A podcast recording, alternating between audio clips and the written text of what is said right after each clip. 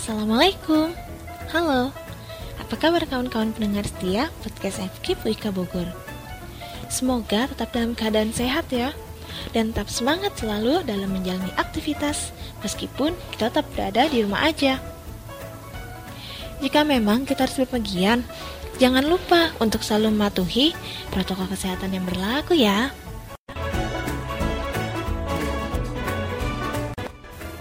Kali ini saya, Namira, Halo, nama aku Aksa Syarika Hasanuddin. Saya Rasya Mujifatul Hasanah. akan menyampaikan sebuah informasi mengenai memupuk kemandirian siswa dengan model pembelajaran on it, learn it, and share it. Hmm, cukup menarik kan?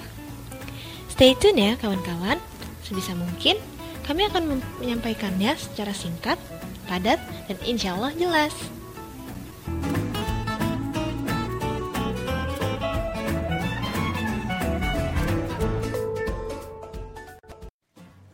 Seperti yang kita ketahui, dunia kini sedang mengalami sebuah bencana epidemi yang bersifat global. Hampir seluruh negara yang ada di muka bumi ini terkena dampak dari tersebarnya COVID-19. Penyebaran virus ini pun berjalan sangat masif. Kasus mengenai virus corona ini kian hari kian bertambah. Untuk itu, salah satu usaha yang bisa kita lakukan untuk memutus penyebaran wabah ini adalah dengan cara beraktivitas dari rumah saja. Keadaan itu pun membuat kebanyakan sekolah memindahkan kegiatan belajar ke rumah masing-masing siswa. Saat-saat seperti inilah yang perlu dimanfaatkan dengan baik untuk belajar. Memaksimalkan waktu yang ada dengan tetap mengisi dengan kegiatan belajar agar tetap bisa memahami materi dan mengisi kegiatan yang bermanfaat. Suasana rumah itu membuat kegiatan belajar menjadi lebih Hmm, lebih apa ya kira-kira? Apakah kamu lebih nyaman ketika belajar di rumah? Atau kamu malah taruh nyaman sehingga jadi malas untuk belajar? Wah, kalau itu sih jangan sampai ya.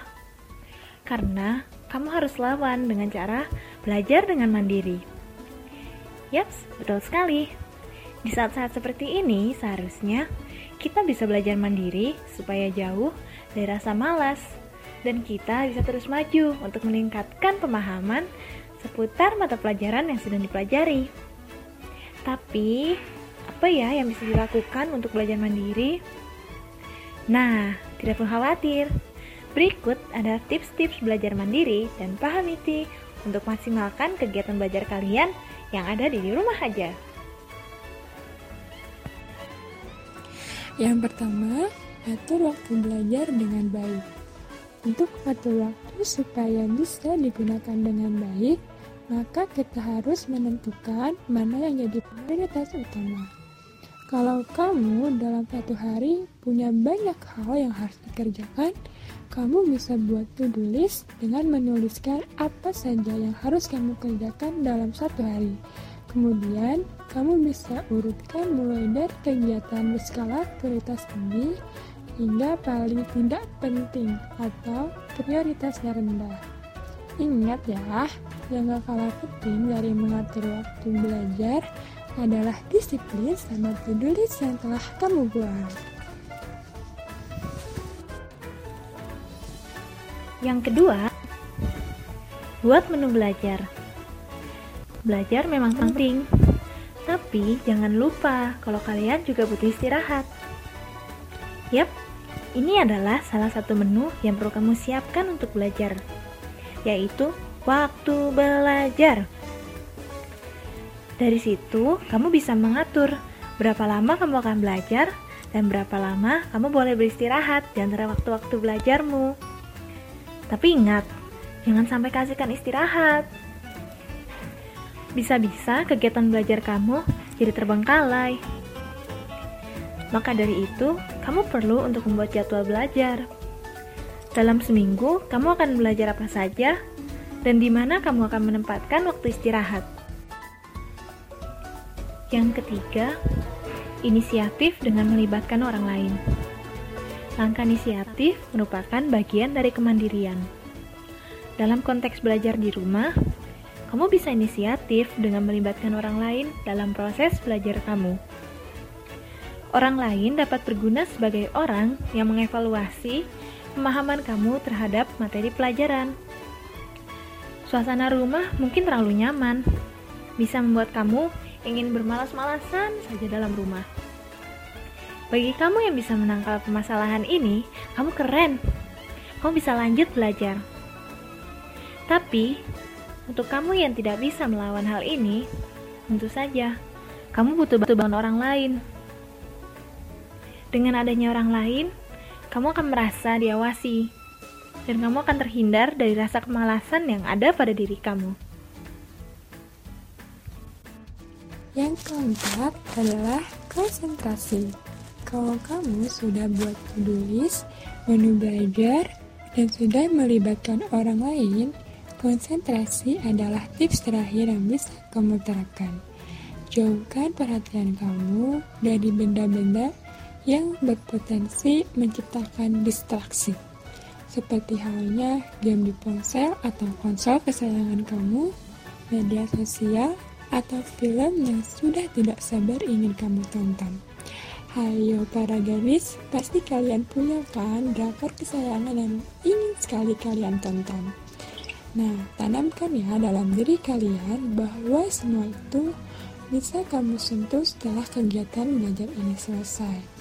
Mungkin bisa kamu jadikan sebagai hadiah kecil kalau kamu berhasil belajar dengan baik dalam satu hari. Untuk itu, konsentrasilah untuk belajar secara mandiri di rumah. Sehingga kamu bisa mendapatkan hadiah yang sudah kamu siapkan sendiri.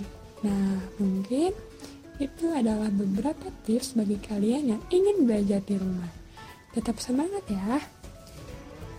Untuk selanjutnya, kita akan masuki materi berikutnya yaitu mengenai mode pembelajaran learn it, own it, and share it. Check it out!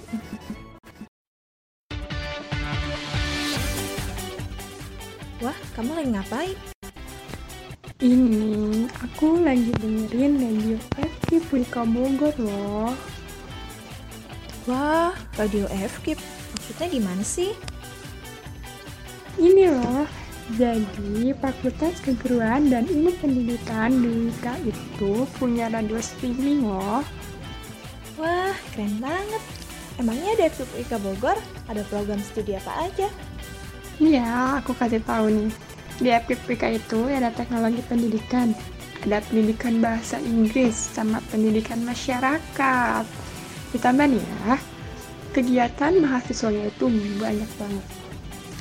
Ini salah satunya, ada radio streaming FKIP Wika Bogor. Kalian itu bisa belajar jadi penyiar. Ada juga loh, TV FKIP.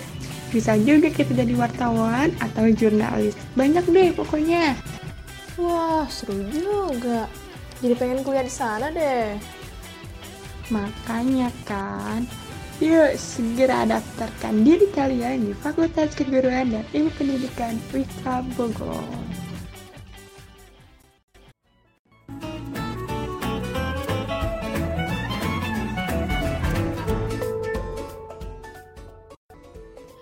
Model pembelajaran merupakan suatu pola untuk menyusun kurikulum pembelajaran seperti mengatur materi, merancang pembelajaran, serta membimbing pembelajaran di kelas.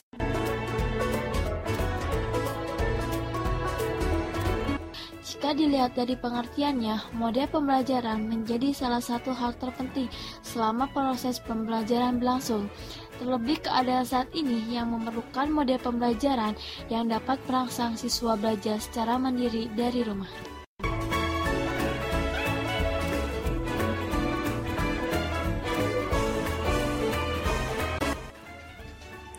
Belajar secara mandiri tentunya tidaklah mudah dilakukan oleh sebagian siswa maupun keseluruhan siswa. Pasti terdapat kendala-kendala dari A sampai Z yang dapat mempengaruhi belajar siswa. Maka dari itu, pendidik atau guru harus lebih pandai dalam memilah pembelajaran yang dilakukan secara daring atau mode pembelajaran yang diterapkan oleh guru kepada siswa di era pandemi seperti sekarang ini yang dilakukan di rumah masing-masing secara online. Tentunya ada beberapa saran dan aplikasi yang dapat digunakan seperti Zoom Meeting, WhatsApp Group. Namun, itu tidaklah mudah dilakukan Mendidik perlu mempertimbangkan kondisi psikologis siswa, kondisi lingkungan keluarga siswa, kondisi ekonomi siswa, dan juga kondisi-kondisi lainnya yang mempengaruhi proses belajar siswa. Hmm, maka dari itu, model pembelajaran menjadi salah satu hal yang sangat penting yang perlu diperhatikan. Hmm, kira-kira model pembelajaran apa ya yang cocok untuk membangkitkan semangat siswa dalam belajar mandiri di era pandemi seperti ini. Nah, kami akan memberikan salah satu contoh dari model pembelajaran yang cocok diterapkan secara daring ataupun di dalam kondisi pandemi seperti sekarang ini. Nah, model pembelajaran yang kami maksud adalah model pembelajaran own it learn it, dan share it. Apa sih model pembelajaran own it, learn it, dan share it ini? Nah, model pembelajaran own it, learn it, dan it ini pertama kali dikembangkan oleh Lee dan Hanifan pada tahun 2006. Model ini tentunya membangkitkan ataupun memungkinkan siswa dalam belajar mandiri secara daring di rumah masing-masing. Seperti kita lihat dari pengertiannya, own it, di mana siswa merasa memiliki materi atau merasa memiliki kondisi belajar. Yang kedua, di mana siswa dapat mempelajari materi itu dan juga dapat share it ataupun me menyebarluaskan materi itu.